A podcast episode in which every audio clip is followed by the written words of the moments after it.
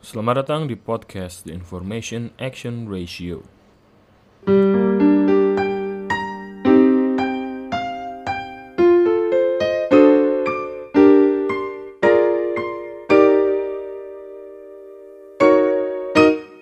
Halo, selamat datang di episode ketiga The Information Action Ratio. Dan di episode ini kita akan ngomongin tentang lateral reading. Kita akan ngomongin perkenalan dulu, terus nanti akan membahas tentang lebih detail apa itu lateral reading dan bagaimana penerapannya di era sekarang ini. Dan di episode ini saya nggak sendiri, saya ditemenin oleh kakak saya. Monggo, perkenalan. Hai, uh, nama saya Ganon. Saya kakaknya Gavrio dan kemarin saya diajak sama Gavrio untuk ya iseng-iseng lah nyoba isi podcast, mengeluarkan unek-unek yang ada di kepala siapa tahu bisa bermanfaat buat yang dengerin.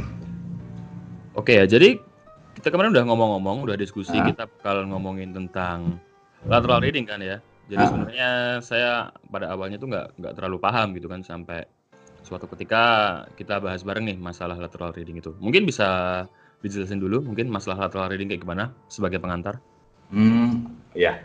Uh, gini, lateral reading itu saya pertama kali dengar waktu iseng-iseng buka YouTube. Ah, nah, ya. Di YouTube tuh ada channel Crash Course, tahu nggak pernah? Ya, tahu tahu, tahu. pernah pernah nah, Crash nah, Course.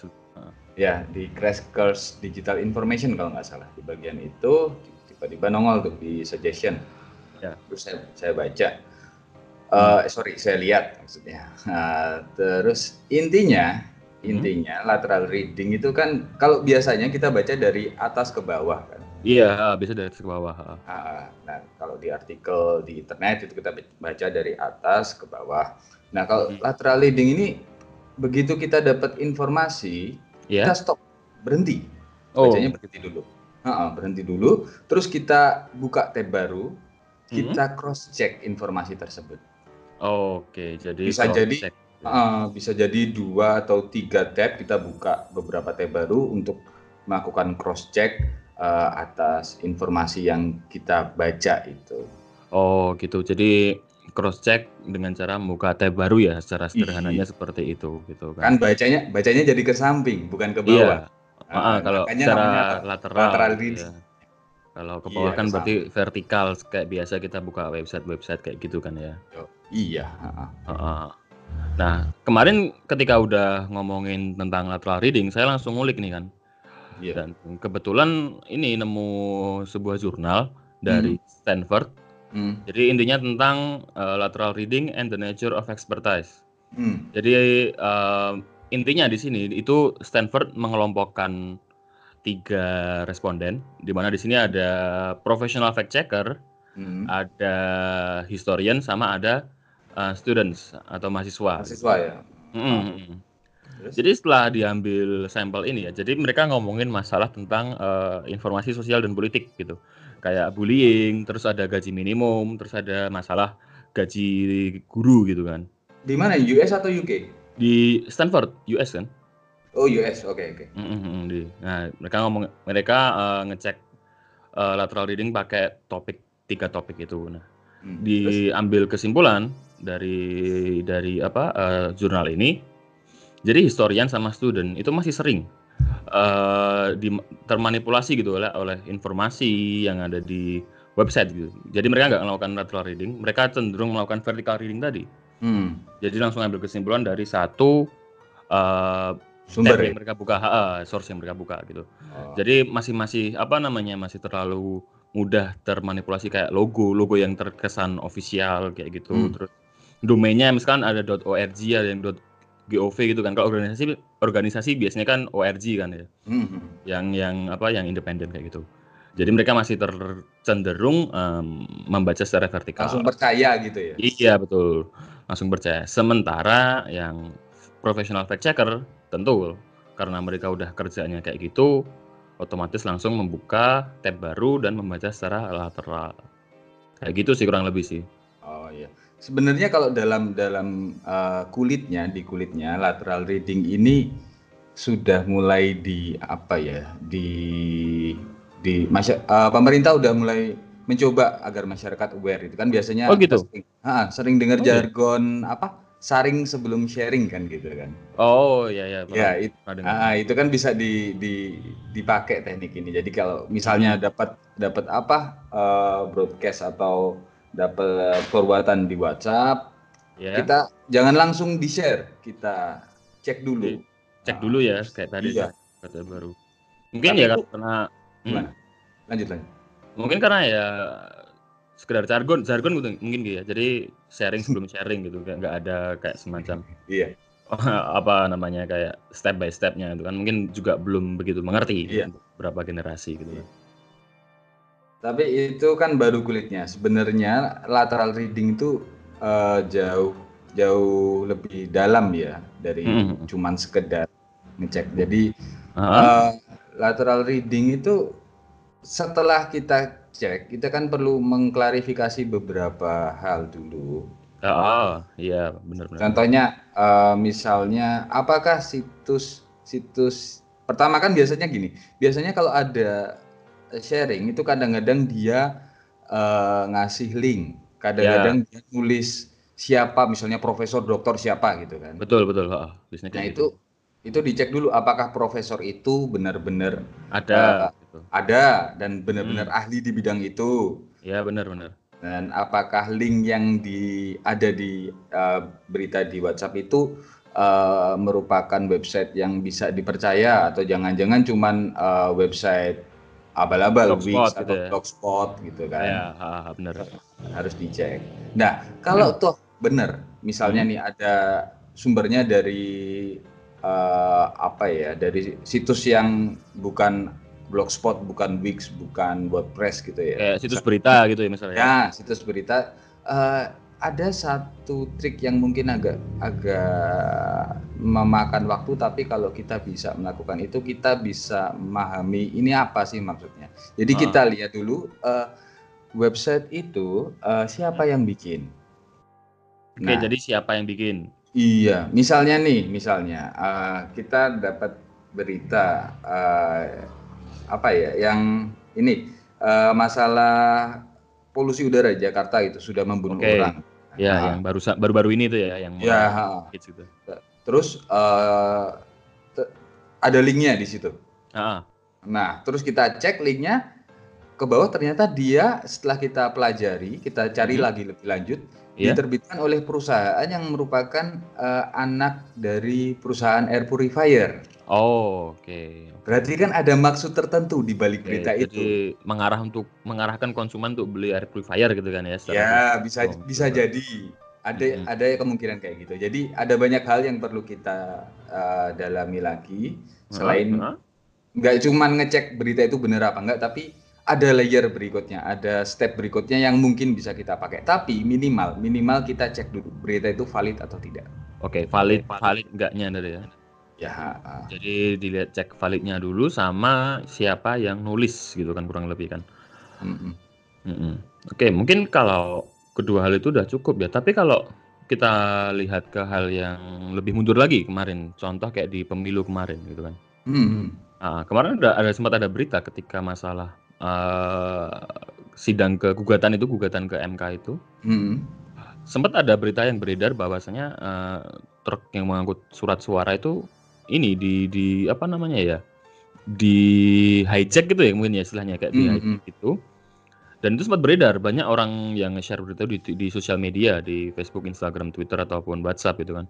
Tapi hmm. setelah dicek dicek uh, linknya langsung ternyata itu berita tahun 2014 yang mana pada hmm. pemilu uh, yang tahun sebelumnya, periode sebelumnya Iya, itu. periode sebelumnya. Jadi kan istilahnya, uh, nggak nggak nggak ada relevansinya Tidak relevan. Iya, nggak ada iya. relevansi dengan, uh, gugatan yang Gugatan. diajukan di tahun iya. 2019 itu kan.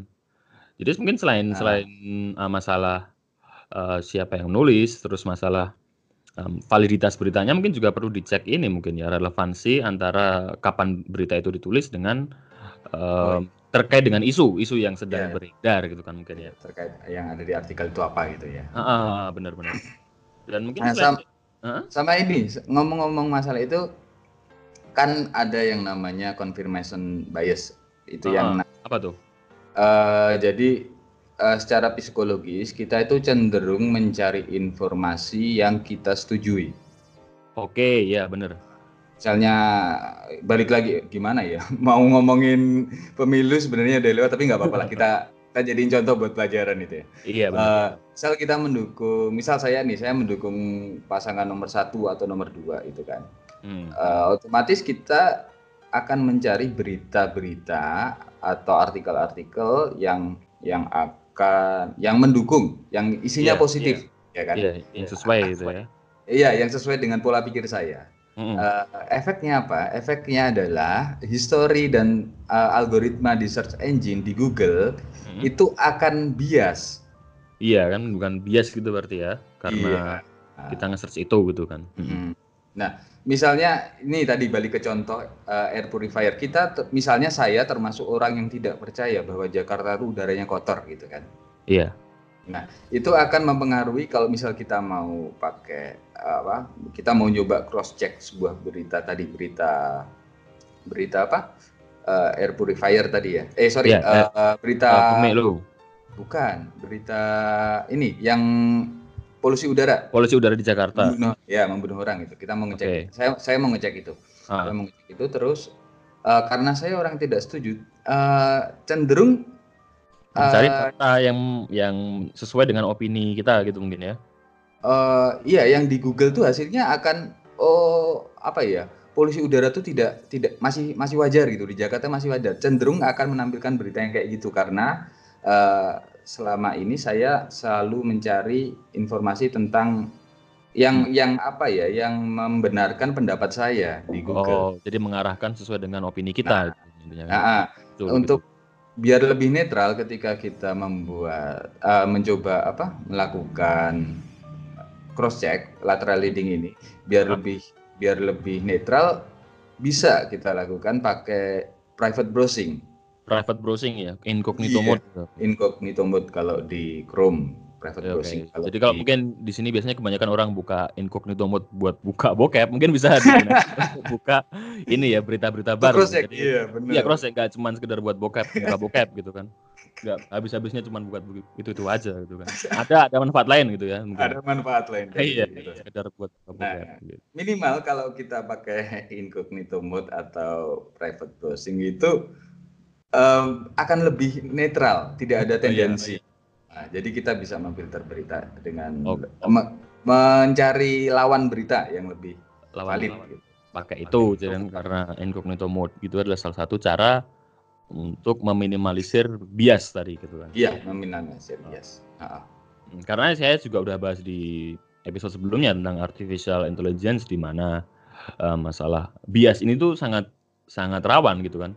Iya. Nah, kan apa teknologi itu kita udah sering nge-search berbagai macam hal, itu nanti akan membentuk pattern tadi Jen. Jadi udah istilahnya apa yang kita baca itu udah tersimpan gitu. Nanti akan membentuk hal yang serupa disajikan ke kita gitu. Berupa hmm. opini kita. Makanya tadi incognito mode adalah salah satu cara biar bisa netral gitu. Hmm. Oke. Okay. Dan hmm, kalau bisa diambil kesimpulan ya, hmm, hmm. Um, dari bahasan episode kali ini, hmm. lateral reading itu merupakan salah satu hal yang apa ya buat saya sangat penting gitu hmm. di mana um, di era yang sangat banjir akan informasi hmm. uh, era yang mudah mengakses informasi yeah. itu dibutuhkan yang namanya um, filter. filter filter biar kita bisa mengambil mana sih yang benar mana yang enggak yeah. mana yang hoax mana yang berita balabal mana yang benar tendensius ya, ya ada jadi kita bisa menghilangkan tendensi di dalam diri kita gitu untuk mengambil sebuah kebenaran dalam berita.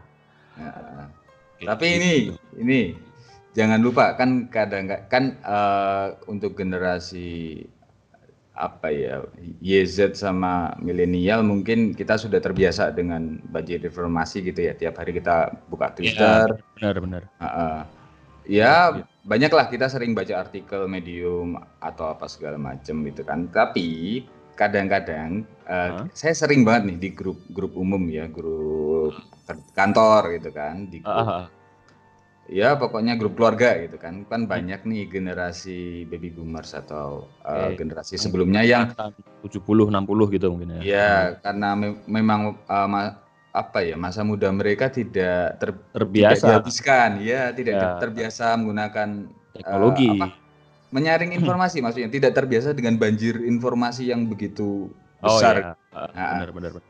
Jadi ketika mereka sharing di grup hmm? jangan jangan apa ya uh, ditolerir lah gitu ya. iya toleransi aja lah ya jadi apa bedanya kita sama mereka yang sama suka menghujat gitu kan sama aja kalau kita ada orang yang nggak ngerti malah dihujat tuh ya sama aja kita iya. mentang-mentang lebih tahu gitu. Jadi intinya ya maklumin dikasih tahu pelan-pelan. Ya kita udah gede lah berani udah... lu ngasih tahu. Ngasih tahu. Ngasih eh, tahu. eh, ngasih ngasih tahu kepala kantor di grup sih nggak berani ya ya inilah pokoknya ya oh ya maklum gitu aja lah. Oh iya mungkin kita iyain aja sih. Iyain tapi, aja. tapi, tapi kalau salah kalau salah jangan lupa di counter ya iya benar benar jangan lupa maaf pak ya maaf pak uh, ini menurut ini berita ini salah gitu kan ada cara yang halus juga ada cara yang halus ah, nggak harus yang mencak-mencak gitu ya nggak harus yang berapi-api wah Anda ini salah gitu. Jangan kayak gitu. Karena iya. salah juga kalau kayak gitu kan. Iya. Oke deh, mungkin di episode ketiga masalah lateral reading cukup mm -hmm. sekian. Ada yang mau ditambahin mungkin? Enggak. Oke ya, jadi mungkin itu aja yang bisa kita bahas di episode tiga kali ini. Mm -hmm. um, dan di episode berikutnya nggak tahu nih mau bahas apa nih. Mungkin kalau ada yang mau saran-saran bagi para pendengar bisa DM di Instagram saya @gavweb. Terus nanti akan saya masukin ke list untuk dijadiin bahan di podcast berikutnya. Hmm. Oke ya, mungkin itu. Hmm? Sekian dari kami. Sampai ketemu di episode berikutnya. See you.